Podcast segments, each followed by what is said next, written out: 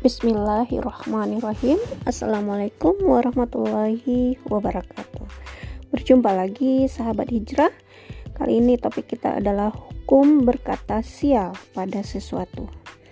Pertama, di antara makna sejati keimanan kepada Allah Subhanahu wa taala adalah keyakinan tanpa ragu sedikit pun bahwa hanya Dia yang Maha mengetahui segalanya dan Maha menetapkan atas segala yang telah, akan, dan sedang terjadi.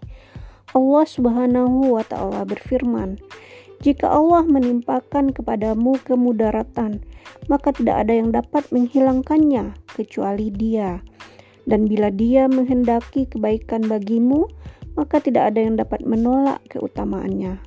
Quran Surat Yunus 107 dalam sebuah hadis Rasul Shallallahu Alaihi Wasallam menguatkan keimanan kita.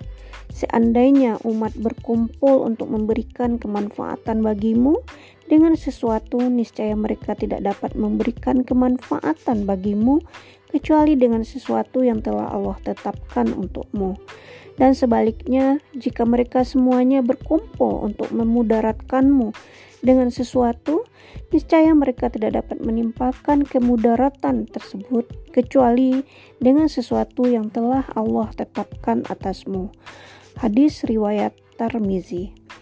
Kedua, kepercayaan tentang kesialan. Dikenal pada bangsa Arab dahulu dengan tiarah.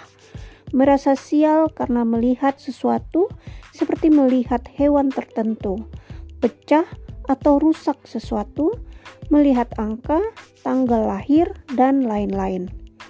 Hama merasa bernasib sial kalau melihat burung hantu, membawa berita kematian dirinya atau keluarganya. Rasul Shallallahu Alaihi Wasallam telah menyatakan dengan tegas dalam sabda-sabda beliau, di antaranya tiarah adalah syirik, tiarah adalah syirik. Beliau mengucapkan tiga kali dan tidak ada seorang pun di antara kita kecuali telah terjadi dalam hatinya sesuatu dari hal itu. Hanya saja Allah menghilangkannya dengan tawakal kepadanya. Hadis riwayat Abu Daud. Ketiga, Islam menghukumi haram terkait meyakini sesuatu atau karena melihat sesuatu sebagai indikasi kesialan. Para ulama menegaskan keharamannya berdasarkan sabda beliau. Tidak ada kesialan karena sesuatu. Hadis riwayat Muslim. Demikian beliau menegaskan dalam hadis lain. Rasulullah Shallallahu Alaihi Wasallam tidak pernah merasa sial karena adanya sesuatu. Hadis riwayat Abu Daud.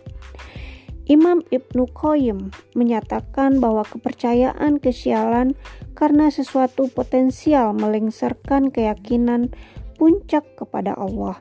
Beliau menambahkan semestinya sebagai mukmin mengaplikasikan firman Allah Subhanahu wa taala. Hanya kepadamu kami beribadah dan hanya kepadamu kami meminta pertolongan. Quran surat Al-Fatihah ayat 5. Juga firman-Nya, hanya kepadanya aku bertawakal dan hanya kepadanya aku akan kembali. Quran Surat Asyishura ayat 10 Keempat, keimanan yang benar kepada Allah Subhanahu wa taala termasuk meyakini jika jalan yang kita lakukan adalah kebaikan dan kebenaran. Maka hakul yakin hanya kebaikan pula yang hadir. Bahkan jika sebaliknya, sesungguhnya ia adalah ujian agar beroleh yang lebih baik. Kita diminta optimis, berharap penuh kepada Allah, yakin sepenuhnya akan kekuatannya, karena tidak ada sesuatu terjadi tanpa izinnya. Dalam sebuah hadis dijelaskan bagaimana kita harus bersikap. Urwah bin Amir meriwayatkan bahwa suatu waktu tentang percaya terhadap sesuatu itu membawa sial dibicarakan di hadapan Rasulullah Shallallahu Alaihi Wasallam. Lalu ber, beliau bersabda, yang paling baik adalah fa'i, optimis dan berharap yang baik, dan janganlah kamu melarangnya kepada orang Islam. Apabila salah seorang di antara kamu sekalian melihat sesuatu yang tidak disenanginya, maka hendaklah mengucapkan Allahumma la ya'ti in bi hasanati illa anta wala yadfa'us sayyiati illa anta wala haula wala quwata illa bika.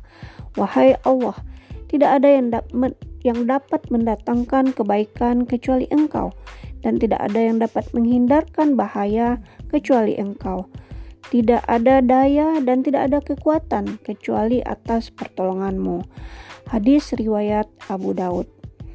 Kelima, sejatinya dengan menggantungkan sesuatu kepada selain Allah, maka mau tidak mau makin membuat kita lemah dan menggerus keyakinan sejati kepada kemaha kuasaannya.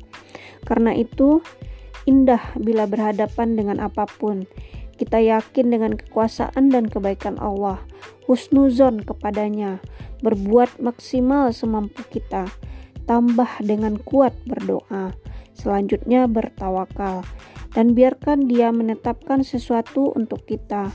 Niscaya hanya kebaikan dan hikmah terbaik yang kita dapatkan.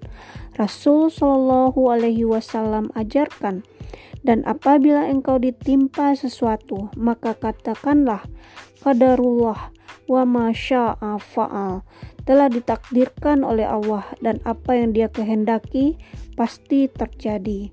Hadis riwayat Muslim. Demikian sahabat hijrah.